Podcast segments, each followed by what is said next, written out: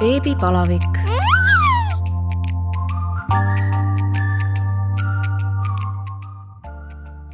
tere tulemast kuulama Õhtulehe uut podcasti Beebipalavik. mina olen saatejuht Katariina Toomemets ja mul on hea meel täna tervitada külalisena Õhtulehe beebiblogijat Mondelat, tere Mondela! tere! no Mondela, sinul on praegu värskelt äh, ühekuuseks saanud äh, poeg Franz Lukas kodus, kes loodetavasti praegu magab.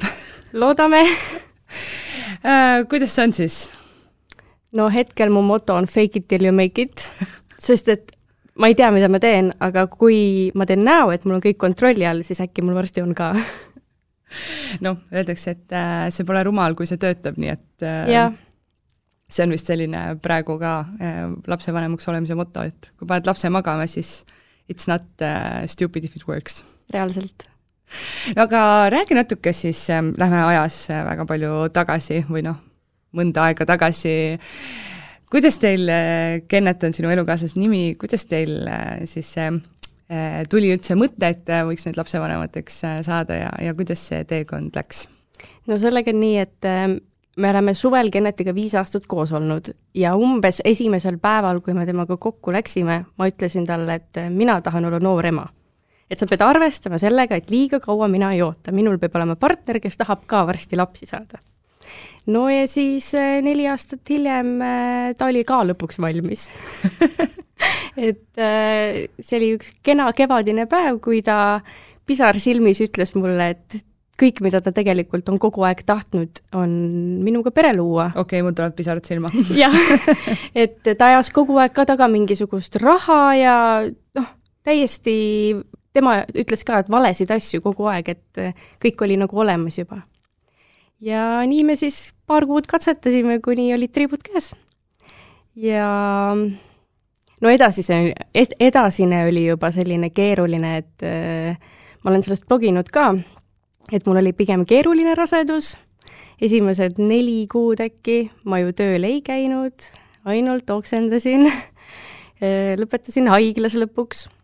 Et äh, kui see osa nagu välja jätta, siis noh, suures plaanis ju kõik läks hästi, et ma ei pidanud ju mingeid hulle ravimeid võtma ja nii, aga no ja kui ma veel arvasin, et rasedus on raske, siis see, mis nüüd toimub et ei, väga huvitav teekond on olnud, aga ma veel ei tea, millele ma alla kirjutasin. Eh, selgituseks ka, et ähm, mina siis äh, muidu tavatööna äh, juhin Õhtulehe popkultuuri osakonda, praegu olen äh, lapsepuhkusel ja Mondele siis oli popkultuuri osakonna reporter, ehk siis minu alluv, ja eelmisel suvel, kui ma siis osakonnale teatasin, et, et ma olen beebiootel, siis Mondele võttis seda muidugi kõige rõõmsamalt, kiljus ja pisarad olid ja ja väga armas oli ja natuke aega läks siis mööda, kui Mondele ütles, et tead, et et nüüd on nii, et mina olen ka lapseootel ja ta ütles mulle seda üsna vara, sest et, et tõesti okserallil ei olnud äh, lõppu ja, ja kaua sa ikka räägid, et äh, kuule, ma olen nüüd jälle haige ja ma olen jälle haige ja, ja siis, äh, siis ühesõnaga jaa. see oleks selline mõttetu valetamine olnud lõpuks neli kuud.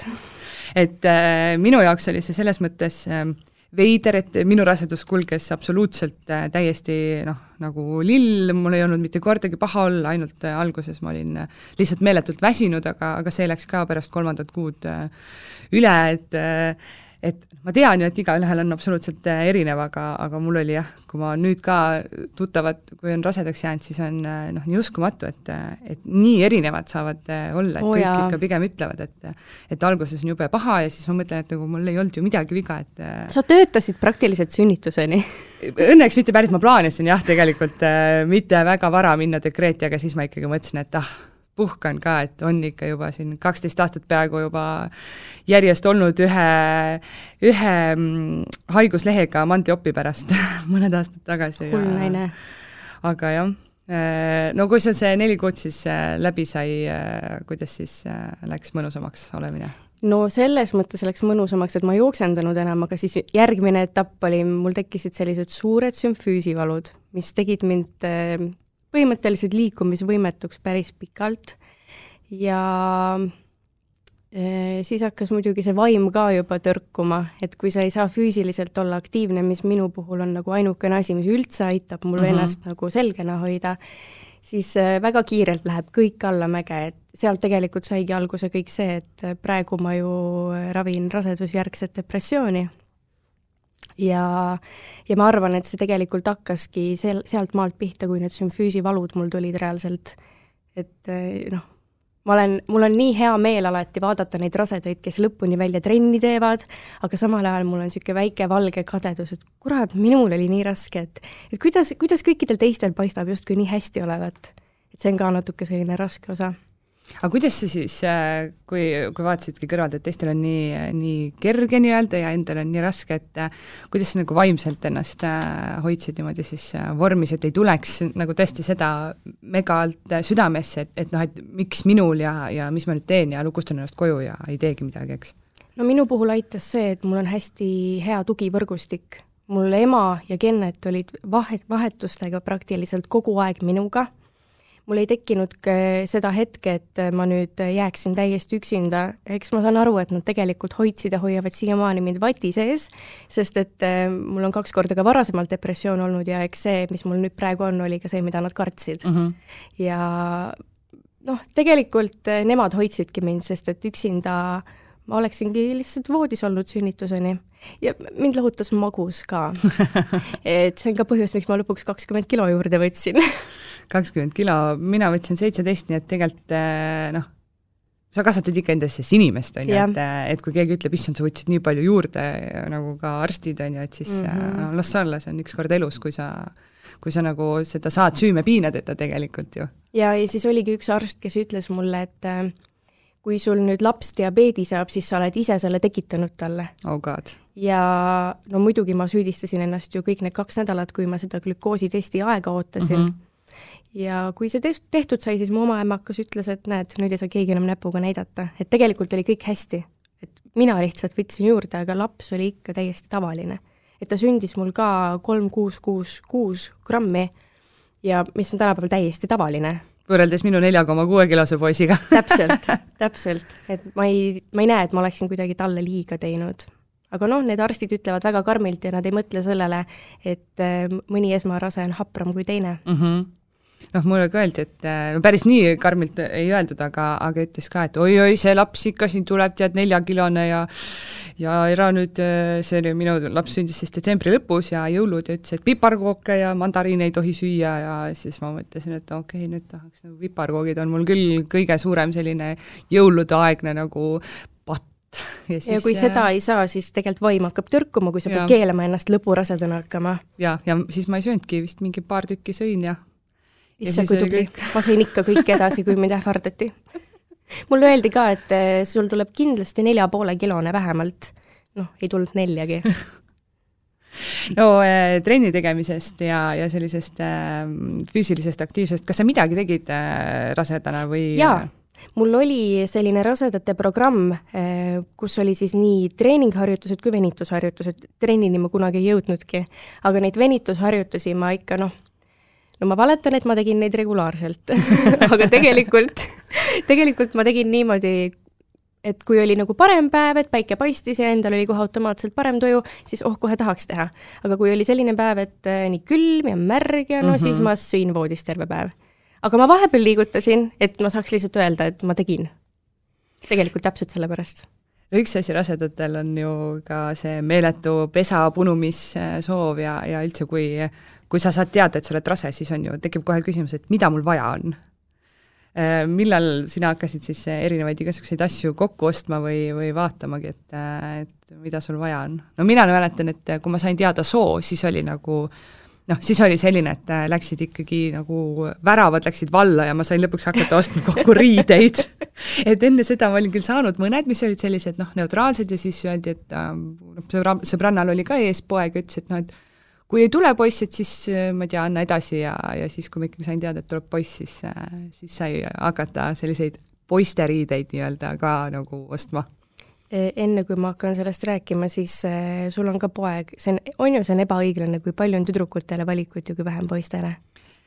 jah, poiste asjad on pigem sellised äh, autod ja traktorid. et äh, noh, ma ei ole väga seda, seda meelt, et peaks olema kõik riided autode ja traktoritega mm, -hmm. traktoritega või siis on lihtsalt lihtsalt nagu tavalised mustad ja sinised ja sellised, et ähm, aga sellised, mida sa näed kuskil Pinterestist, poiste riideid, meil ei müüda poodides reaalselt. ei müüda tõesti, jah mm. -hmm aga mina hakkasingi alguses otsima täpselt selliseid riideid, et äh, sellised nunnud kuduumid ja linasest särgikesed ja mm, linasest püksid ja ma sain aru, et mitte kuskilt ei saa. Ja siis ma läksin seda teed, et ma võtsin ka hästi palju sugulastelt vastu, kellel mm -hmm. on väga palju poegasid ja lõpuks noh, mida ma siis ostsin, oli igasugune turvavarustus. ja ma hakkasin esimesi asju ostma, kui ma olin äkki viiendat kuud rase ja viimased asjad sai ostetud kuskil seitsmenda kuu ajal. et tegelikult äh, mul voodi ja kõik nagu asjad voodile sätitud oli ikka jah, mingi neli kuud enne tema sündi ma käisin nagu hullumeelne lihtsalt seal kõikumas selle ees, et no millal sa juba tuled. Et eh, see pesa punumine oli väga eh, põnev, aga samal ajal ka selline raske faas, et eh, ikka käisid sellised mõtted kogu aeg, et kas tal on ikka kõik hästi ja kas ta sünnib ikka tervena mm -hmm. ja mhm. siis ma vaatasin kogu aeg neid asju ka ja noh, kuna ma olen selline natukene ebastabiilne ka, eks ole, siis käisid Muretseja ikkagi, mm -hmm, siis käisid ikka need mõtted, et aga mõtle, kui midagi juhtub ja mul on kõik need asjad siin, et kuidas ma siis selle üle elan mm. -hmm. et tegelikult see on ka üks asi, millest väga ei räägita, et nii palju on neid mõtteid, et appi, kui midagi juhtub mm, -hmm. Et kuidas ma selle üle elan ja mina ütlen ausalt, ma vist ei olekski seda üle elanud. et siiamaani mul tuleb nutt kurku ja kananahku ja ma mõtlen sellele, kui palju on neid naisi, kes eh, sünnitavadki oma beebi surnuna mm. -hmm. ja millegipärast olid need mõtted mul eriti lõpus no nii igapäevased juba, et lõpuks mul oligi nagu hirm, et issand, nüüd ma kutsun ise kurja kaela mm. -hmm ja, ja mm, sellepärast ma ka alguses kartsin tegelikult neid asju nagu püsti panna mm, -hmm. et eh, on igasugused eh, vanarahva jutud, et ei Ebauske. tohi enne mm, -hmm. aga kuidagi ma ikka panin ja käisin ja unistasin, et võib-olla see aitas mind just. et see andis nagu seda, et kuule, lõpeta ära, et ta on ju kohe juba siin. aga jah, see on asi, millest ma arvan, väga palju ei räägita see pesa punumise küsimus on äh, ka üks põhiline, mida vist äh, rasedatelt küsitakse ja siis minul sõbranna ükskord ütles, et noh, mis asja, mis pesapunumine, ta on kogu aeg selline pesapunuja olnud, et äh, tal nüüd küll eriti midagi ei olnud, et äh, noh, ma olen alati selline, et äh, kui sa ostad mingi kapi, siis äh, mul on vaja, et see kohe saaks kokku, siis ma panen selle ise kokku, mulle väga meeldib selles mõttes, et et noh, mulle tõesti meeldib nokitseda ja, ja samamoodi noh, rasedana ka. Ma juba alguses tegin seda, et mul nagu sellist mega mingit hetke ei olnud, kus hull pesapunumishoog peale tuli, küll aga kui ma jäin dekreeti, siis ma hakkasin lakkamatult heegeldama reaalselt ma lihtsalt iga päev heegeldasin ja ma heegeldasin lapsele neid närimisrõnga otsas mänguasju. Need on nii ilusad. ja no tõesti, need maksavad poodides mingisugune kakskümmend viis eurot no ütleme nii, et see ei olnud väga kerge ja noh, mõned olid kergemad, aga, aga jaa, ma lakkamatult heegeldasin, lõpuks mul olid neid nii palju kodus ja siis nüüd ma olen neid kinkinud kõikidele. Kaks tükki jäi oma lapsele, et kokku neid oli vist mingi kümme, et no juba naersin, et äh, lõpuks äh, mees viskab mu koos nende mänguasjadega välja, et äh, kuule, et meil pole endal kuhugi enam ruumi midagi panna, aga jaa, vot see oli küll üks asi, mis mul tuli ja siis ma mõtlesin, et miks ma pean ostma siis neid niisuguse ränga raha eest. pluss nagu endal on ka palju armsam vaadata, et noh, et et äh, ma ise selle tegin ja nüüd, kui ta juba noh, tunneb huvi nende asjade vastu, siis ma vaatan küll ja mõtlen, oo emme tehtud asjad on äh, nii armas. lapse lemmikud on ikka emme tehtud. see on äh, mõnus.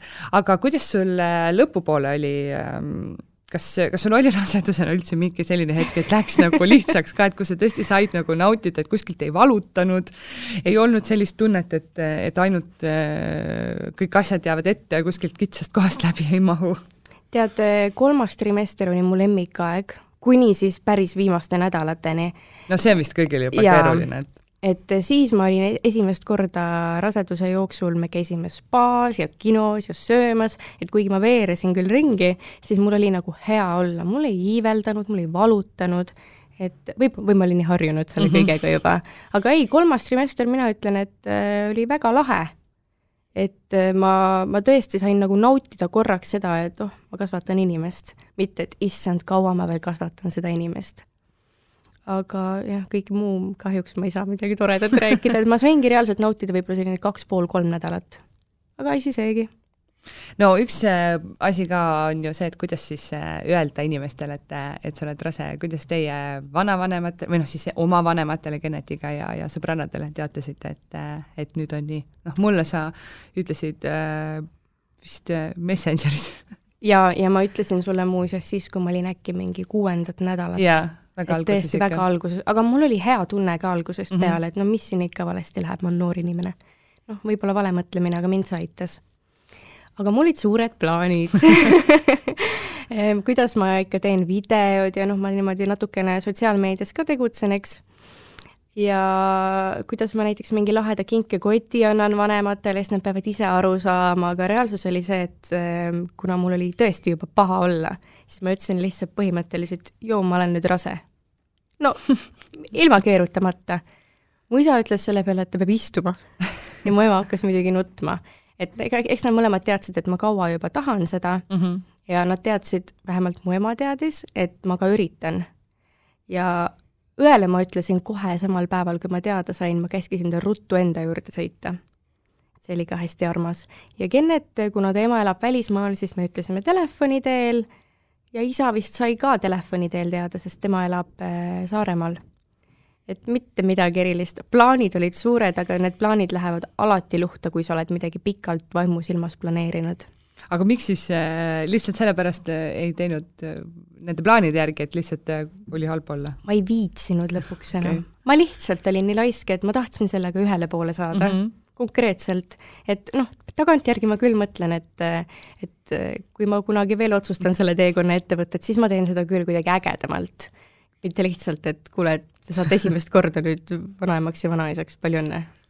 meie käisime siis eh, oma vanematel eh, alkoholivaba Proseccoga, läksime külla ja ja sõbrad, eh, elukaaslased sõbrad siis said jaanipäeval niimoodi teada, et keegi küsis, et istusime seal rahulikult, chill isime ja keegi küsis, et noh, et mis siis toimub? Ja elukaaslane siis ütles, et aa noh, Katja on rase ja siis niimoodi täiesti mööda minnes, ja see on jumala tema stiil ja see on nagu täiesti normaalne.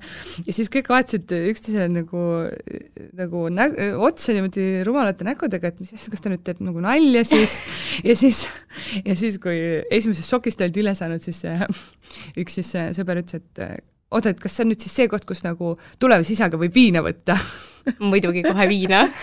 Ja siis, siis ikkagi löödi kokku, et aga jah, see oli selline mööda, mööda minnes suht.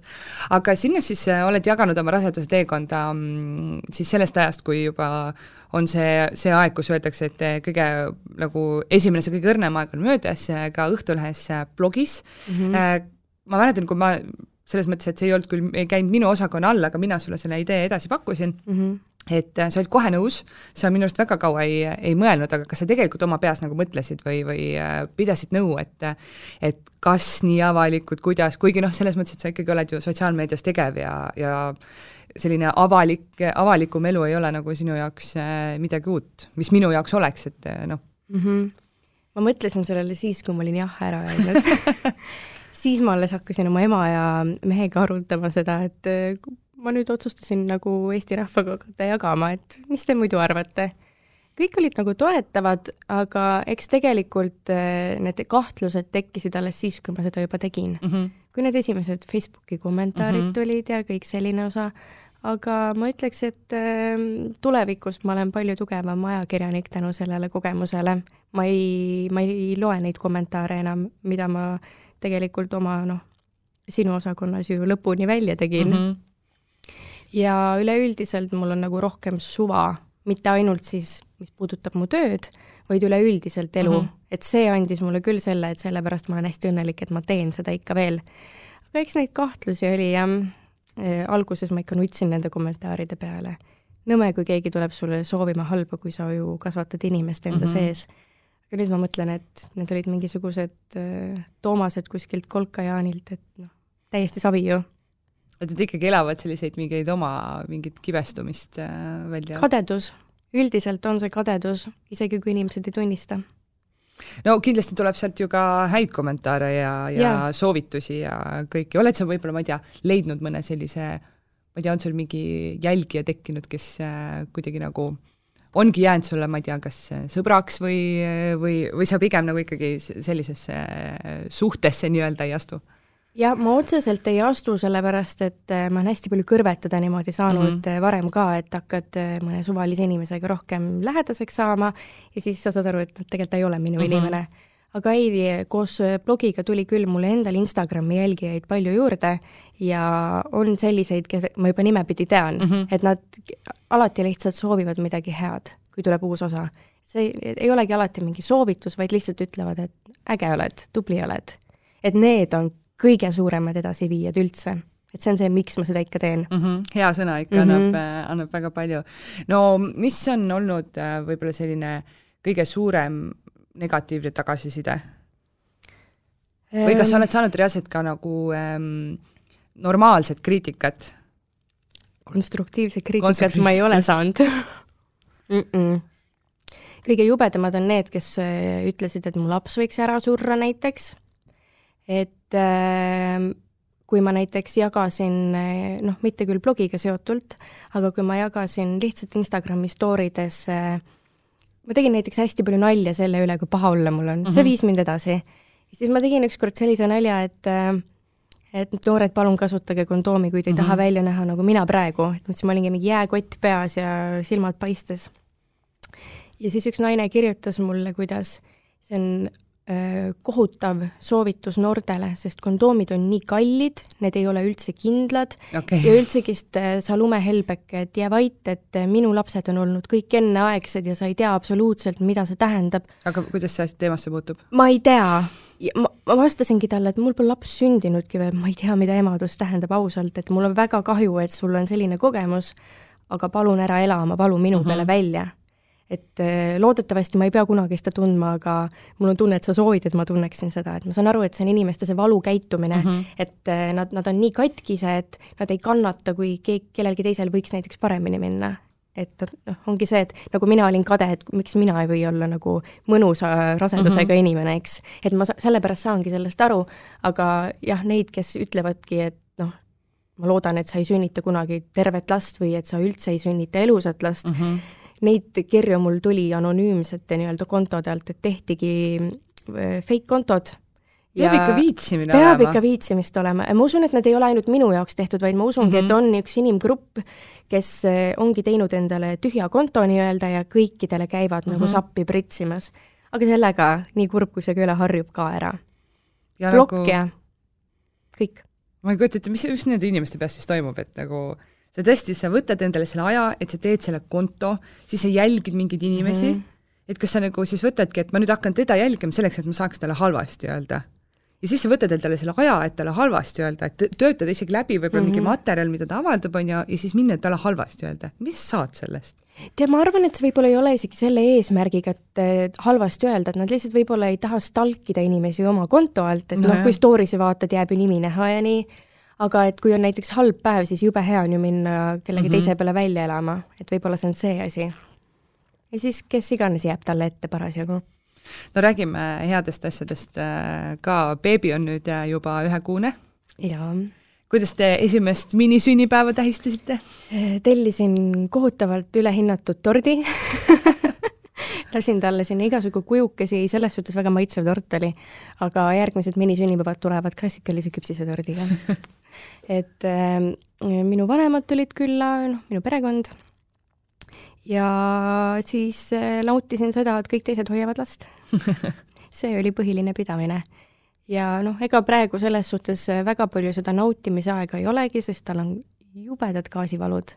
ja kogu see sünnipäev oli tal ka selline pahur ja vastik mm -hmm. ja ta, tal on nagu väga-väga raske praegu olla, et siis äh, ei oskagi nagu kohe midagi toredat rääkida siia, aga ma arvan, et väga palju toredaid asju on ees õnneks. Läheb üle?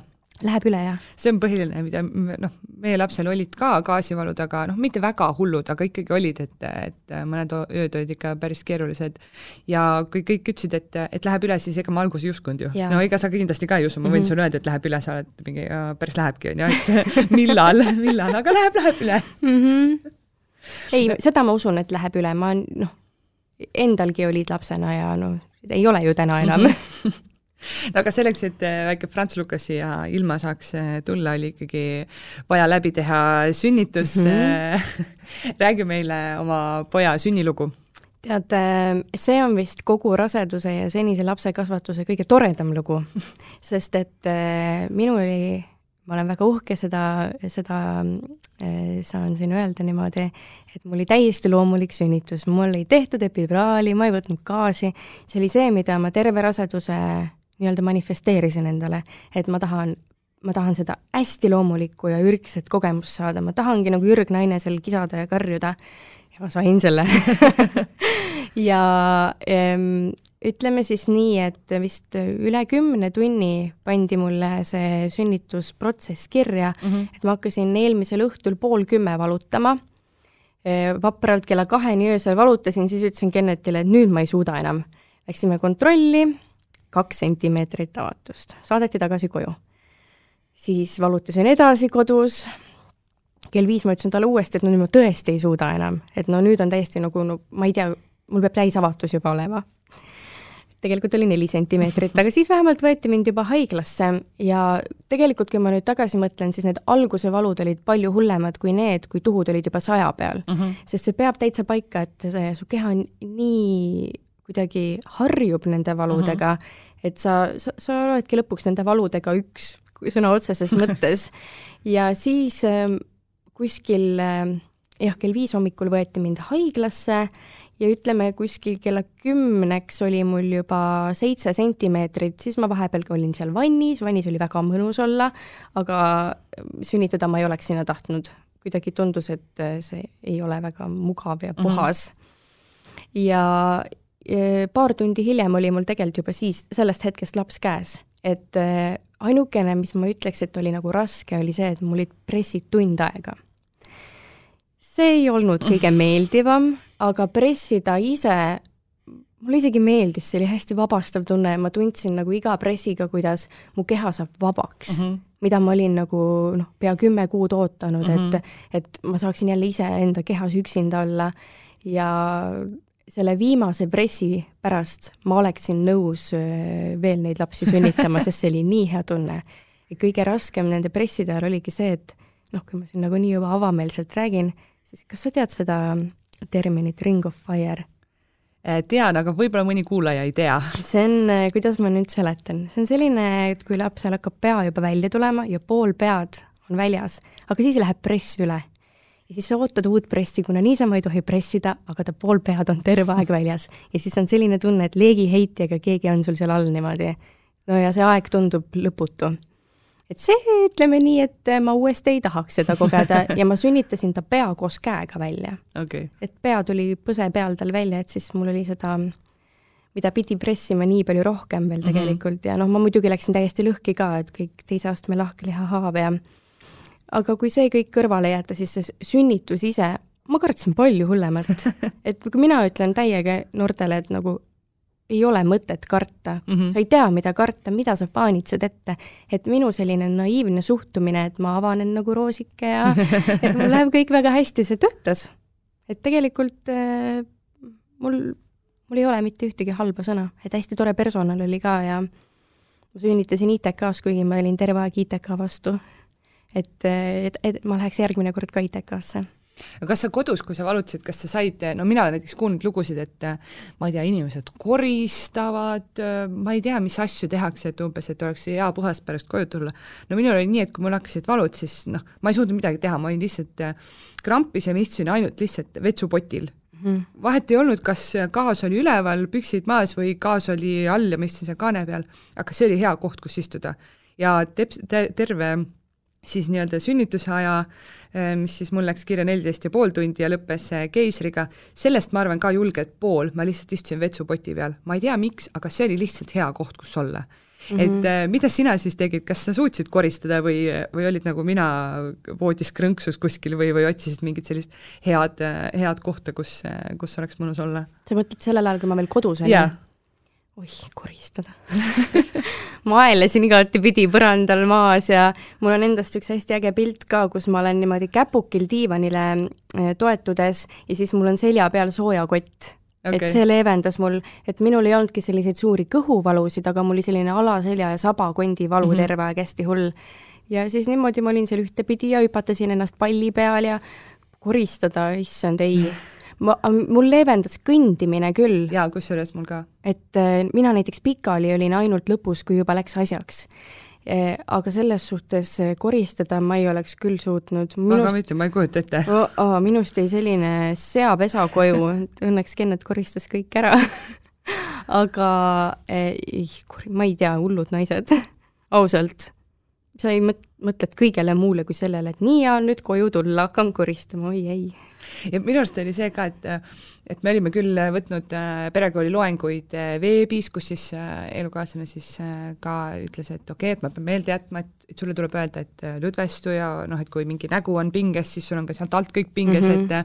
et et lõdvestu ja lõdvestu ja siis ta üritas mulle seda sünnituse ajal teha, aga aga mul on alati olnud see, et kui mul on valus, näiteks ähm, hambaarsti juures, hambaarstitoolis, ma hoian alati toolist kinni, noh, kui tehakse mingeid selliseid mm -hmm. ebameeldivaid protseduure või tätoveerides, on alati see, kui mul on valus siis äh, ma hoian hinge kinni ja keha on pinges, täpselt samamoodi oli siis äh, mul valude ajal ka mm, -hmm. sünnituse ajal ja see oli hästi naljakas, et äh, elukaaslane kogu aeg vaatas sealt, KTG oli küljes, vaatas monitori pealt, oi, nüüd hakkab tulema mm. -hmm. ja siis juba nägi, kuidas siis jälle, siis ma olin seal voodis nii krampis ja siis ta alguses ikka üritas öelda, et noh, et lõdvestus, ma ütlesin, et tead, mind üldse see nagu noh, ei aita üldse mitte halva, aga selles mõttes yeah. ma ei sõimanud, ma ei saatnud, saatnud teda ruumist välja ega midagi. aga ma lihtsalt ütlesin, et mul on, et ma saan aru, et ma peaks lõdvestuma, aga mul on lihtsalt praegu mugavam nii, et et ma hoiangi lihtsalt hinge kinni võib-olla surun küüned, ma ei tea, talle kätte, voodi kuhugi äärde või, või kuhu iganes ja mm -hmm. noh, mul on hea nagu niimoodi. no lõpuks ma muidugi lasin epiduraali panna, sest, sest tõesti oli juba nagu päris valus ja, ja siis oli mõnus, ma sain isegi viie minuti kaupa magada ja tundus mm, -hmm. et mhm. et vau, ma magasin nüüd tund aega ja siis mm -hmm. sai jälle händleda. ja noh, lõpuks siis tuli arst, ütles, et, et kahe ja poole tunni jooksul pole avatus üheksa sentimeetri pealt edasi läinud, et et pakun, et lähme keisrisse. sest laps oli lihtsalt lõug oli rinnal ja ta no ei, ei oleks niimoodi välja saanud tulla ja suur, suur, suur poiss oli ka neli koma kuus kilo, et uh, pressida teda ise, jah. oleks saanud selles mõttes, aga siis nad ütlesidki, et et mul on funktsionaalselt väike vaagen ja siis ma mõtlesin, et huvitav, et kas see siis tulevikus tähendab, et et üldse ei saa sünnitada, aga pärast ämmakas siis selgitas, et et see tähendab seda, et selle lapse jaoks on siis mm -hmm. lihtsalt vaagen väike, et kuna ta on suur sellises asendis, et et see ei tähenda üldse, et tulevikus nagu noh, ei saaks. ei saanud nii-öelda seda väikese vaagna diagnoosi endale, on ju? seda ei saanud mm -hmm. jah, lihtsalt funktsionaalselt väike, ehk siis see tähendabki, et nagu selles olukorras mm. -hmm. nii on. ma saan aru, miks sa nagu epiduraali tegid, sest et kui mul oli seitsme sentimeetri peal, siis ma tahtsin ka mm. -hmm. ja siis ma hakkasin nõudma seda. aga sina ei saanud, sest sul on olnud eh, vot oligi see, et sina ütlesid, et sa ei saa, sest sul oli vist mm -hmm. seljaoperatsioon, on ju? Nad, nad mulle soovitati pigem mitte teha, et mul on liiga selle lähedal täpselt see opikoht, mm -hmm. kuhu nad selle nõela panevad. Aga eks kui oleks olnud nagu SOS, et peab, et siis nad mm -hmm. oleksid selle ikkagi pannud ja ma oleks pidanud selle allkirja andma, et mul on mm -hmm. suuremad riskid lihtsalt okay. aga, aga lõpus, kui ma seda päriselt tahtsin, siis nad ütlesid jah, et see avatus liigub nüüd nii ruttu juba, et enam sa ei saa kas see siis lihtsalt ei jõua mõjuma hakata või miks nad enam äh, seal tead, ma ei, ma isegi ei küsinud seda, aga no ma olen ka kuulnud, et mm, -hmm. et nagu mingi hetk enam ei saa, sest noh, põhimõtteliselt on liiga hilja. sest ma arvan, et see ongi see, et kuna siis hakkab nii ruttu, läheb juba asjaks, et siis kas ta ei hakka mõjuma, sa teed mm -hmm. kasutult selle, on ju, või siis vaata, mõnikord öeldakse, et see nagu aeglustab tegevust ja, just, ka, on ju, et kui ta juba nii kiiresti käib, et ärme siis hakka mhm. aeglustama mm -hmm. seda protsessi. aga noh, mõnel see kiirendab jälle, ei tea ju kunagi, kehad on nii erinevad. aga jah, ma tõesti tahtsin seda, ma südames tahtsin seda, aga nüüd mul on jälle hea meel, et ma mm -hmm. ei mhm. teinud seda no kui äh, laps kätte anti, mis tunne oli? Mitte midagi ei saanud aru mitte midagi ei saanud aru. ma tundsin sellist äh, äh, nagu ma oleks pilves, sõna otseses mõttes narkolaksu all. et äh, ma, mul oli samal ajal tunne, et ta, ta libiseb maha ja ka samal ajal tunne, et ma teen ta katki, et ma ei saanud aru, kui kõvasti ma teda hoian ja, ja see kõik tundus nii sürreaalne, no see on tõesti asi, mida lihtsalt peab kogema. ma mul ei ole sõnu selle jaoks, see on kõige toredam asi, mis üldse maailmas saab juhtuda. ma hakkan nutma niimoodi sellest rääkides mis näoga Kennet oli? ma sünnitasin emaga. aa, miks? tead äh,, seda küsitakse hästi palju, see on kõige populaarsem küsimus minu sotsiaalmeedias. aga tegelikult hästi lihtsal põhjusel, äh, kui ma rasedaks jäin, ma ütlesin kohe, et sorry, Kennet, kui tuleb teine laps, kolmas laps, vabalt tuled sina kaasa. aga esimeseks korraks minusugusel ärevikul on vaja inimest, kes on sünnitanud mm. -hmm. ja Mhm. kuna mu ema on varasemalt ka äkki mingi viis last vastu võtnud, siis äh, tundus ainuõige minna sinna koos emaga. ja tõesti, see oli nagu õige valik, sest et ta teadis täpselt, kuidas mul on hea olla, ta teadis nagu su ema on siis ämmaemand? ei ole, ta lihtsalt, ta sõbrannad ja sugulased on tahtnud teda, temaga koos minna okei okay. ja tal on seda kogemust nii palju, et ta on jah, vist nüüd viiel lapsel nabanööri läbi lõiganud. ja, ja tal, temaga oli nii mugav, et ta ütles neid õigeid asju, aga samal ajal ta ei öelnud asju, mis mind närvi ajaksid mm. Mhm. -hmm. et ma arvan, et Kennet oleks liialt mind seal kuku nunnutama hakanud ja siis ma võib-olla oleks robendama hakanud mm -hmm. ka. et oli täpselt sellel põhjusel, et oleks inimene, kellel on kogemus. aga ma mäletan, kuidas ma ütlesin, et emmed on kohal. ja siis nagu oli selline, nagu selline õi- õilis tunne, et see oli hästi eriline ka emaga jagada seda mm. -hmm. et tema ju sünnitas minu ja nüüd ta näeb, kuidas ma tema esimese lapselapse sünnitan ja ja ma Facetime isin kohe Kennetile ja siis ema ütles, et hetkeks jäi nagu vait kõik, et arst ja õpilane ja kõik nagu tõmbasid eemale ja emme läks ise mul eemale. tulevad pisarad silma jaa, mul tulevad ka. et see, ta, Kennet vahetas mu ema kohe perepalatis välja. aga, aga jah, seda kogemust ma, mul on hea meel, et ma emaga jagasin. Aga kui sa ütlesid Kennetile, et, et vot nüüd on nii, et, et ma ei taha sind kaasa mitte sellepärast, et, et sa oled sina, vaid mm. -hmm. vaid mul on selline idee, mis ta arvas asjast? alguses ta võttis seda hästi rahulikult, aga mida rohkem aeg hakkas kätte jõudma, seda rohkem ma nagu panin tähele, et iga kord, kui see läks nagu, selle peale jutt läks, ta läks nagu näost ära ja nagu mm. -hmm. õnnetuks kuidagi, et äh, ma saan aru, et ta tegelikult oleks väga tahtnud seda kogemust. Ja ma lubasin talle, et ta saab selle kogemuse nii et ma pean seda uuesti tegema ehk kunagi. siis teine laps on juba plaanis? just, aga, aga siis oligi see, et eriti õnnetuks tegigi see, et alguses äh, oligi jutt, et äh, ta ei tule perepalatisse ka, et ma jäängi emaga kõike seda lõpuni välja tegema. Aga siis me lõpuks äh, need piirangud leevenesid ja kõik kas sa nagu... ise siis ütlesid, et, et sa tahad nii, et temaga koos olla ka perepalatis? jah, kuidagi vaata, asi on selles, et äh, kuna need äh, koroonavaktsiinid piirasid hästi palju seda, kes saavad perepalatisse mm -hmm. tulla ja meie ei ole teinud endale seda vaktsiini, siis äh, oligi see, et kuni aprilli alguseni ei tohtinudki mm. -hmm ja siis oligi see, et noh, tegelikult ega mul valikut ju pole, üksi mm Mhm. -hmm. ma sinna perepalatisse imikuga ei jää. aga siis ma nägingi, et ITK võttis piirangud maha ja siis äh, sai ka tehtud see otsus, et ma ei sünnita mitte Pelgus, vaid ITK-s Mm -hmm. ja siis Kennetil see suhtumine nagu muutus. et kohe, kui ta sai nagu teada, et ta ikkagi näeb oma värsket beebit ja ta saab selle vahetuse teha, et siis ta nagu leppis sellega kergemini, aga mm Mhm. -hmm. sinnamaani oli küll jah, ma nägin seda pettumust. Ja siis ma juba ise nutsin, et ma vean oma meest alt mm -hmm. ja noh, et need raseda emotsioonid olid nii võimendatud. aga lõppkokkuvõttes kõik oli ju hästi ja küll ta ka selle kogemuse saab. no kuidas, kui kiiresti teil siis äh, õnnestus perepalat saada, kas äh, pidite ootama või mm, -mm. või saite kohe? ma olin, kui ma sünnitasin, ma olin osakonna ainus sünnitaja. vipp-teenus? mul oli vipp-teenus. kuidas see, kusjuures, kui mina ütlesin seda oma elukaaslasele, siis ma mõtlesin, kuidas see võimalik on? ma ei tea, mul joppas, sest et kui minu, kui mul oli laps juba väljas, siis tulid juba sinna sünnitajad peale. aga terve see aeg mul oli vipp, vipphaigla selles suhtes ja palateid ka jagus tol hetkel, et mina pidingi selle kohustusliku kaks tundi olema ära mm, -hmm. pärast õmblemist on need igast jääkotid seal hargi vahel, on ju ja lapsega see nahk, naha vastu kontakt, aga pärast seda juba pandi mind ratastooli, laps sülle ja viidigi kohe. Et mitte mingit ootamist mm -hmm. mul tõesti läks nii hästi.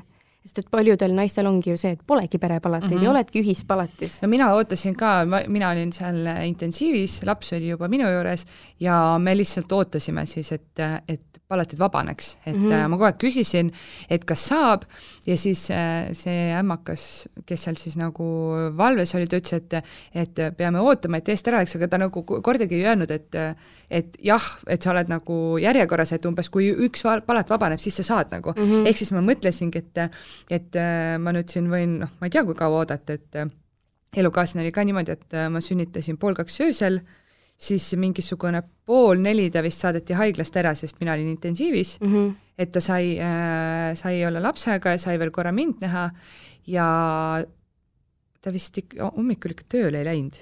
tal oli tegelikult tööpäev vist no igatahes vahet ei ole mm. -hmm. ja siis äh,, ja siis öeldigi, et noh, et eks sa siis helistad, kui perepalatisse saab ja siis oligi, et ma ootasin ja noh, ma kogu aeg mõtlesin, et ma tahaks talle nagu siis midagi öelda, et noh, a la viie tunni pärast, nelja tunni pärast, et ta mm -hmm. saab nagu noh, mingeid plaane teha, jaa, just, et kas, kas või on tõesti vaja kodus veel äh, midagi nagu koristada, et noh, et siis ta teab, on ju, ja siis lõpuks oligi, see tuli suhteliselt järsku, mingisugune kell kaks päeval äkki või, või midagi sellist, et ütles, et noh, nüüd on siis minek, on ju, et nüüd võid mehele helistada. Ja siis ka pandi mind ratastooli ja sõidutati nagu sinna äh, perepalatisse, et, et ma olen nagu kogu aeg oodanud ja siis paar korda olin küsinud ja siis ta ütles, et noh, et siin jah, peab eest ära minema, koristama ja noh, ei tea, ei tea, on ju, ja siis järsku oli, et aa, nüüd on minek okei okay,, väga huvitav, tegelikult ma olen ITK kohta kuulnud seda ka, et see personal on seal nii vastutulelik, et kui ka perepalateid pole, siis antakse peredele neid tavapalateid. Mm.. et on mul paar Instagrami jälgijat, kes nagu kirjutasid hiljem selle peale, kui ma hakkasin sellest perepalatist seal rääkima, et äh, ma usun, et te oleksite koos ikka saanud olla. no ilmselt oli jah, on, oleneb tõesti nagu sellest, kui palju seal mm -hmm. rahvast on, et, et kui mina sünnitasin, siis oli ikka nagu mõned olid et vist, vist päris nagu täis ei olnud, aga, aga keegi ei öelnudki, noh, üksi ma ei olnud. Mul vedas et see oli päris naljakas, et seal intensiivis hommikul ähm,, seal oli veel üks naine, kes siis oli sünnitanud keisrilõikega ja siis äh, ja siis ma läksin hommikul vetsu, ma nägin, vetsu uks oli suhteliselt minu nagu voodi kõrval nurga taga, ja siis, kui ma tulin vetsust välja, siis ma nägin, ta oli nagu teisel pool siis nii-öelda saali. Ja siis me noogutasime ja siis ütlesime tere, et see oli naljakas. et äh, põhimõtteliselt terve suur siis see intensiiv oli nagu meie päralt, aga noh, ega seal äh, midagi väga ei olnud, et voodid järjest ja mm. -hmm. sinna mehega ei lähe puhkama mitte väga, jah aga kuidas siis Kennet siis reageeris, kui äh, tuli sinna perepalatisse ja beebi kätte sai? mul on tunne, et talle alles nüüd hakkab kohale jõudma tegelikult, sest et äh, ta, ta oli nagu, ta oli kohe selles hea mm. -hmm. selles suhtes äh, tal ei olnud sellist asja, et appi ma ei julge teda puutuda mm -hmm. või sülle võtta, et paljudel meestel ju tekib see, et ei julge, noh, läheb katki. meil olin mina see, et ma ei julgenud ta peput pesta ega temaga ringi kõndida, et ma pillan ta ju maha. Kennet võttis seda hästi chillilt ja loomulikult ja, ja ta oleks nagu seda juba kümme korda varem teinud. et ei olnud ühtegi sellist kas tal on muidu õdesid-vendi? ta on oma väikse õe üles kasvatanud. et see mängib rolli kindlasti ja aga tõesti, ta kuidagi, no ma ei tea, tema oli valmis vanem ja mina olin nagu, ma ei tea, mida ma teen, kuigi mina olen see, kes on terve elu laps, lapsi mm -hmm. hoidnud, et kõige väiksem, kelle hoidja ma olin, oli kolmenädalane, ma sain ideaalselt hakkama temaga ja järsku on tunne, et mitte midagi ei oska. põhimõtteliselt Kennetil, Kennet oli see, kellel ema instinkt oli jaa, jaa, temal lõi see enne välja kui minul. tõsiselt. ei, ta on väga tubli. kui kaua te haiglas olite? Me olime neli päeva kokku, sest et tema see kaalulangusprotsent oli liiga suur mm -hmm. alguses. ja kuigi ta oli suur poiss sündides, siis äh, lihtsalt äh, no ma ei tea, kolm koma kuus on niisugune keskmine ikka pigem no,. minu kohta. sinu kohta tõesti et äh, kuidagi ta ei, kas ta siis ei saanud seda toitu kätte või tead, sellega ma natuke seal vaidlesin ka nende ämmakatega, et tegelikult poiss tahtis lihtsalt jõhkralt magada mm -hmm. noh, tahaks ta siiani aga piim mul tekkis teisel päeval, see päris piim juba. et selles ei olnud nagu probleemi ja mul on tunne, et see viimane päev, mis me nagu nii-öelda kauem olime haiglas, et see oli ka selline poolvabatahtlik, et nad küsisid mult, kas ma olen nõus ja mina loll naiivne seal olin mingi jaa, jaa, ikka olen. ja aga samas parem oled kauem ju. no tõsi, hiljem ma saingi sellest ja. aru, aga kui see viimane päev tiksus seal, siis juba hakkas kassima, et tahaks koju mm, -hmm. tahaks nii väga beebiga koju saada aga noh, kodus ma sain aru, et tahaks professionaalide juurde tagasi. see on lihtsalt, sa saad minna ja küsida kõik oma eh, targad ja rumalad küsimused ja. Eh, kohe ära, et kas see on okei okay,, et beebi unes tõmbleb ja mm -hmm, täpselt. kas see on okei okay,, et ta nii palju magab, kas et... see on okei okay,, et ta nii vähe magab? ja et miks ta käed õhku tõusevad niimoodi ehmatades, on ju, noh, ma küsisin ka igasugu asju. Me, me küsisime ka, et noh, sa ei tea ju selliseid asju mm. -hmm, aga need inimesed on kohe seal sul olemas, me olime ka neli päeva vist saime teisel jaanuaril koju aastavahetusel ilutule, ilutulestikku vaatasime haigla aknast ja siis keerasime magama ja aga noh, meil oli see, et äh, minul tuli mingi väike palavik ja põletik ja siis ma sain seal antibiootikume ja tilgutit ja noh, igasuguseid asju, et et selles mõttes oli küll, kui me lõpuks koju saime, siis oli nagu rahulik mm, -hmm. et muidu oli nii, et ma pidin äh, esiteks lapsel oli veresuhkur madal, siis ma pidin, pidime talle andma natuke lisatoitu alguses, iga siis vist kahe või kolme tunni tagant, ehk siis kogu aeg me ärkasime, äh, äratus, siis ma pidin ise võtma rohtu, ehk siis näiteks kui laps pidi kell kolm öösel saama süüa, siis näiteks kell neli ma pidin võtma rohtu mm. -hmm. siis kell kuus juba tuldi panema tilgutit ja õhtul kell kümme, et äh, noh, kogu aeg minuga ka midagi tehti. jaa, väga väsitav. et siis, äh, aga samas jälle noh, ma ei tundnud kordagi, et et, et ma ei saa abi, et noh, mul enesetunne oli hea, aga noh, parem see, et nad tõesti annavadki mulle kõik neid rohtusid seal, kui on see, et ma lähen koju ära ja nagu mingid tüsistused täpselt, pärast. täpselt mm, -hmm. et selles mõttes oli nagu väga hea, aga koju jõudsime, siis äh, see oli mingi, ma arvan, äkki kell oli umbes viis õhtul. ja siis lähed koju ja siis paned selle beebi sinna diivani peale, siis istud seal diivani peal, mõtled, aga mis nüüd? täpselt, mul oli täpi pealt sama tunne, et mis ma nüüd temaga edasi pean tegema. aga mis te tegite siis, kui koju jõudsite? me lihtsalt olime me lihtsalt olime, ma ei suutnud telekat ka tööle panna. et äh, noh, põnev osa oli see, et mul on väike koer, et kuidas tema siis mm -hmm. reageerib. no ta oli alguses täiesti savi. ta ei saanud arugi, et mingi väike inimene siia toodi.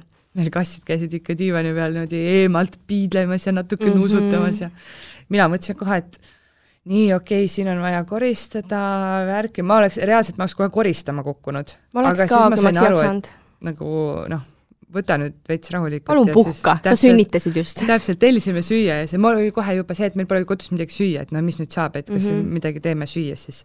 muidugi, mis kõige nagu veidram oli see, et mul oli sõbranna, siis sõbrannale ma andsin võtmed, et, et noh, et kui me peame kauemaks jääma, et meil on kaks kassi, on ju, et noh, kassid saaksid süüa. ja siis, kui ma astusin välisuksest sisse, siis meil on kohe vannitoa uks seal vastas ja ma astusin uksest sisse ja ma nägin kassi liivakasti ja mõtlesin, et okei okay,, kassid süüa on saanud, aga vot seda ma ei ole küll öelnud, et kassi liivakasti peaks puhastama. oi ei.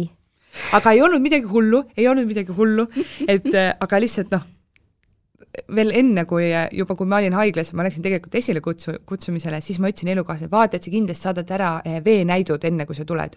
veenäidud, kindlasti. ja veel, kui ma ütlesin, et hakka nüüd haiglasse tulema, veenäidud. ja siis ma ei imesta seda lihtsalt absoluutselt, see on naise aju. ja siis on lihtsalt, astud ukse sisse ja vaatad kassi liivakastid.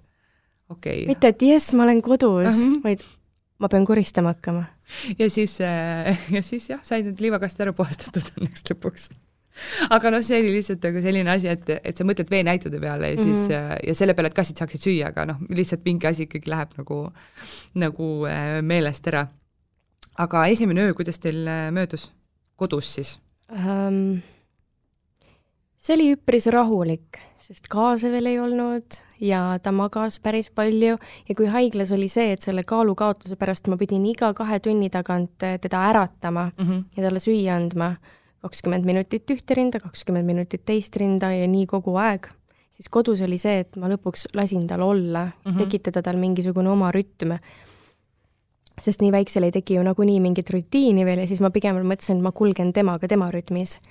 ja siis oligi, praktiliselt terve öö sain magada, ühe korra sõi ja siis ärkasime juba üles ja hakkasime selle päevaga pihta. ja siis mõtlesid jälle, mis nüüd, on ju? jaa, kogu aeg oligi see, et, et kas ma nagu peaksin midagi tegema temaga, aga mida sa imikuga teed söödad, vahetad mähkmeid. ta oli umbes kahenädalane, siis ma mõtlesin hmm,, et kas peaks hakkama juba tegema mingeid arendavaid harjutusi Just. või midagi. ja siis õnneks paar sõbrannat ikka olid ees, siis küll loll oled peast mm, -hmm. mida sa temaga teed, ta lihtsalt sööb ja magab nagu. jah, et palun lase olla endal ja temal. see ongi areng ju mm. -hmm. ei jah, ma siiamaani, eh, nüüd on juba muidugi see, et eh, peab eh, võimlema rohkem, et mm, -hmm. et eriti nende gaasidega, et igatipidi kogu aeg aga tegelikult temaga ei ole ju ikka mitte midagi teha mm -hmm. peale selle, et ma lohutan tema valusid mm. -hmm. ja, ja aga ikka on vahepeal, et, et palun jää juba magama, aga kui ta magama jääb, siis on selline kasutu tunne mm, -hmm. hästi kasutu tunne, et täpselt jälle, et aga mis nüüd? jah, et nüüd, nüüd mind ei olegi ju vaja järsku enam. mis ma teen siis? jah, ma ei oska telekat ka enam vaadata. sama, ma alguses, alguses vaatasin küll, hakkasin veel Netflixist mingit sarja vaatama, et kui mm -hmm. laps magas, aga aga nüüd on äh, ma olen äh, aastaid olnud väga suur Kirgede tormi fänn ja siis nüüd, kui ma üks päev lõppu nägin, siis ma mõtlesin, et huvitav, mis seal nüüd kahe kuu jooksul siis juhtunud on. sest no laps jääb vaatama seda telekat ja no ma ei taha, et ta seda telekat vaataks, on ju, et ta juba on küll nii suur, et, äh, et juba kõik need asjad teda nagu no, põnev on. ja, ja, ja väga põnev on mm. -hmm. ei, mina ka ei oska, ma ei oska mitte midagi tegelikult teha. ma lihtsalt olen ka. magad ka vahepeal? ma ei oska magada ka Sama. veel et ma loodan, et üks hetk ma õpin temaga koos magama. et praegu on ka see, et kuna ta läheb ööunne selline seitsme ajal, ma ei lähe ju seitsmest magama. no ja siis ma kirun ennast hommikul, et no oleks ju võinud ka seitsmest mm -hmm. magama minna. noh, võib-olla see üks hetk tekib kogemuse ja kõigega. mina tegin seda, et äh, lihtsalt äh, istusin voodiste kõrval ja ma läksingi selles mõttes kell seitse voodisse mm, -hmm. aga noh, siis ma scroll isin seal Instagramis ja mängisin telefoniga ja siis oli kell mhm. kaksteist mõtlesin, okei okay,, nüüd lähen magama ja siis, kui laps kell kuus ärkas, mõtlesin jep. okei okay., või noh, selles mõttes, ega ta ei maganud hommikul kella kuueni, vaid ikkagi öösel ka ja siis hommikul mõtled, miks ma seda tegin ja siis mõtled, et aga nüüd vot täna õhtul, nüüd ma lähen varem magama ja siis ei lähe ja siis on niisugune viis kuud jälle juba ja. nagu peaaegu iga kord mõtlen, ma lähen vara magama, tegelikult ei lähe. mu screen time on mingi üheksa-kümme tundi juba lihtsalt sellepärast, et noh, kui sa imetad teda, mis sa teed, istud telefonis mm, -hmm. on ju, kui ta magab, istud telefonis, nii see elu läheb mis selle kuu aja jooksul on olnud äh, võib-olla selline hetk, kus sa mõtled, et äh, et sa ei arvanud, et see nii on? see ei, ei pea olema üldse, et sa ei arvanud, et see nii raske on või mm -hmm. et see mhm. nii lihtne on, aga võib-olla mingi asi, mis sa arvasid, et on teistmoodi ja see on hoopis teistmoodi, kui sa arvasid. näiteks äh, minu elukaaslane arvas, et, et üldse mitte halvaga, selles mõttes, et ega sa ei tea ju, kuidas lapsed magavad kuidas nad magama lähevad, et ta ütles, et ma arvasin ikka, et, et see on niimoodi, et lähed koos lapsega voodisse ja siis magad kaks tundi no, kui armas kui armas. ei ole jah. Äh, ma ütleks, et kogu lapse kasvatus, ma arvasin, et see on äh, nagu möödaminnes mm. -hmm. et sa vaatad, kuidas kõik seda teevad ja sa mõtled, et aga mis see siis ära ei ole mm. -hmm. et tõesti see naiivne suhtumine, et see on nii palju nagu lihtsam, aga et, ja et beebit peab ka juba kasvatama mm, -hmm. et mhm. selles suhtes ta ei, ta ei saanudki nende gaasivaludega üksinda hakkama, vaid ta tahabki su rinna peal lohutamatult lihtsalt nutta. ja sa peadki lihtsalt ära kannatama selle, et võib-olla see jah, et et ma ise nutan nii palju, et ma olin juba enne selline emotsionaalne piripill, no sa tead, sa olid mu ülemuseks.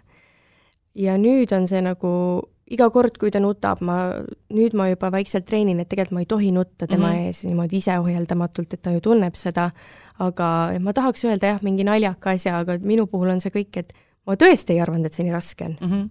ma arvasin nii naiivselt, et see on kõik tõesti nagu möödaminnes teha noh, see näitab jälle väga hästi seda, et kõik lapsed on ju erinevad mm, -hmm. et äh, et äh, noh, võib-olla mingi ähm, Instagramis sa näed ka seda, et sa näedki ainult seda lihtsat poolt mm -hmm. ju, et äh, keegi enamasti ei näita, et, et ongi raske. ja no alguses on see emotsionaalselt veel ju eriti raske, mina ikka ka korduvalt ikka nutsin koos lapsega, kui, kui laps nutab, aga noh, alguses on veel ka see, et hormoonid oh,, et võib-olla nagu kurb ei olegi, aga lihtsalt hormoonid nii räigelt möllavad, et, et hakkadki nutma ja noh, siin ei saagi midagi teha, et äh, mu nõustaja ütleb, et äh, tegelikult sa peadki minema teise tuppa ennast tühjaks nutma. sest nii, kui sa jätad need emotsioonid sisse, siis äh, öeldakse ka, et piim läheb närviliseks mm, -hmm. siis on lapsel kõik need sinu emotsioonid mm -hmm. läbi no, piima, on ju. Mhm. Ja, ja minu puhul on veel see, et kui ma ei ela neid emotsioone välja, siis ma tunnen, kuidas mul jääb piima vähemaks mm. -hmm. no seda ma ka ei taha ju. et siis ma käingi, võtangi selle hetke, et ma lihtsalt lähen ohjeldamatult nutan ennast tühjaks kas või viis korda päevas ja siis ma lähen selle eluga edasi. Ja, ja seda ju öeldakse ka, et et ongi, kui sul noh, tõesti kas või laps nutab ja ma ei tea, sul on pissihäda, sul on janu, siis võta see kaks minutit ja tee ära need asjad, mis sul on enda jaoks vajalikud mm. -hmm. et käigi vetsus ära ja noh, see kaks minutit ei pruugi noh, ta ei, ta ei pruugiks ka sul süles selle kahe minutiga rahuneda, et lihtsalt tee ära need asjad, mis, need essential'id, mis sul enda jaoks nagu vaja on mm. -hmm. kui hästi, hästi kerge on seda öelda ja raske on teda jätta sinna röökima. aga jaa, nüüd ma olen ka hakanud seda tegema. mul ei jää, mis ma teengi, püksi siis või mm? -hmm. ja siis on veel suurem koristamine ju. absoluutselt ja kui sa oled üksi kodus, siis kes seda koristama peab? ikka sina aga mis tunnetega Kennetit vaatad äh, lapsega tegelemas, äh, ma mäletan äh, siiamaani väga hästi, mingi esimene kuu aega oli niimoodi, et vaatad meest lapsega, pisar tuleb silma, vaatad tuleb. jälle meest lapsega niisama, pisar tuleb silma, vaatad oma magavat last, pisar tuleb silma, vaatad meest koristamas, pisar tuleb silma alguses jah, ma see kõik ajas tõesti nutma just nagu nii, nagu sa kirjeldasid, on ju, aga praeguseks on see juba see, et jumal tänatud, et ta võtab ta. et ma olen nagu tänulik, et, et ta võtab ta lihtsalt. et noh, minu puhul on see noh, võib-olla seotud selle emotsionaalse seisundiga mm -hmm. ka, kus ma olen, et ta peabki võtma, et ma ei läheks täiesti sõgedaks peast, on ju. aga alguses oli küll see, et ma ei suuda uskuda, et see on minu mees seal meie lapsega. super klišee, aga sa vaatad oma meest hoopis uue pilguga, on ju? täiesti uue pilguga, et vau, sa oled isa. Ja oh, kui on need hetked, kus ta nädalavahetusel läheb jalutama, paneb oma ilusa jope selga, päikseprillid ette, võtab selle bambu sinna ilusasse vankrisse, siis ma lihtsalt, ma, ma sulan ära, ma armun uuesti. et hoopis teistmoodi. see on jah, klišee küll, aga, aga nii see on. on mm. -hmm aga sinu äh,, sa mainisid ka oma nõustajat ja, ja rasedusjärgsest äh, depressioonist rääkida, rääkides, siis äh, noh, see on ka selline asi, mida väga tihti naised ei, äh, ei kipu avalikult tunnistama esiteks, endale tunnistama millal sa sellest aru said või noh, sa ütlesid tegelikult juba, et, et raseduse ajal, et kas sul oli juba siis raseduse lõpus, sa teadsid, et kindlasti sa hakkad sellega tegelema või mis hetkel sul, sa otsustasid siis, et, et nõustaja, nõustaja juurde tuleb minna? Rasedana ma ei saanud aru, ma nüüd tagantjärgi analüüsides saan aru, et see siis tekkis. aga ma kirjutasin kuskil kolm nädalat tagasi oma ämmakale, et äh, mul on vist abi vaja. et need mõtted, need sundmõtted just, mis mulle pähe tulevad, et, et ei ole tegelikult enam normaalsed ja need algasid mul sellega, et ma ei julge ta peput pesta ja temaga trepist käia, sest et me raudselt kukume alla ja sureme mm -hmm. ära. et see surmahirm, mis nagu koos lapsega sündis minu sisse, äh, oh-oh, see on väga-väga-väga hirmutav lihtsalt. ja, ja siis ma kirjutasingi talle, noh, praktiliselt mul oli mingi nädalane laps äkki, kui ma mm -hmm. tajusin, et ma olen sellist tunnet varem tundnud ja see on nagu ohtlik ühest küljest äh, oli sulle kasuks see, et sa oled seda enne tundnud mm, -hmm. sa said nii kiiresti jaole, sest on ju naisi, kes äh, mitu kuud elavad ja. mingis täiesti mustas mullis ja, ja mm -hmm. lõpuks kuidagi kas siis saavad ise aru või keegi ütleb, on ju. ma just äh, kuulsin sellist lugu, kuidas naine sai teise lapse kümneaastase vahega ja pärast teist last hakkas oma esimesele lapse järgset depressiooni ravima mm, -hmm. et kümme aastat võttis tal aega, et oih, see polegi normaalne, mida mm -hmm. ma tundsin aga siis mu ämmakas ütles kohe, et nii, nii, nii, et äh, nüüd mul on sulle juba hea nõustaja olemas ja andis mulle ta nime ja kohe leppisime kokku ja nüüd mul iganädalaselt ongi. et äh, ta lihtsalt äh, põhimõtteliselt kinnitab mulle, et ma ei ole halb ema mm. -hmm.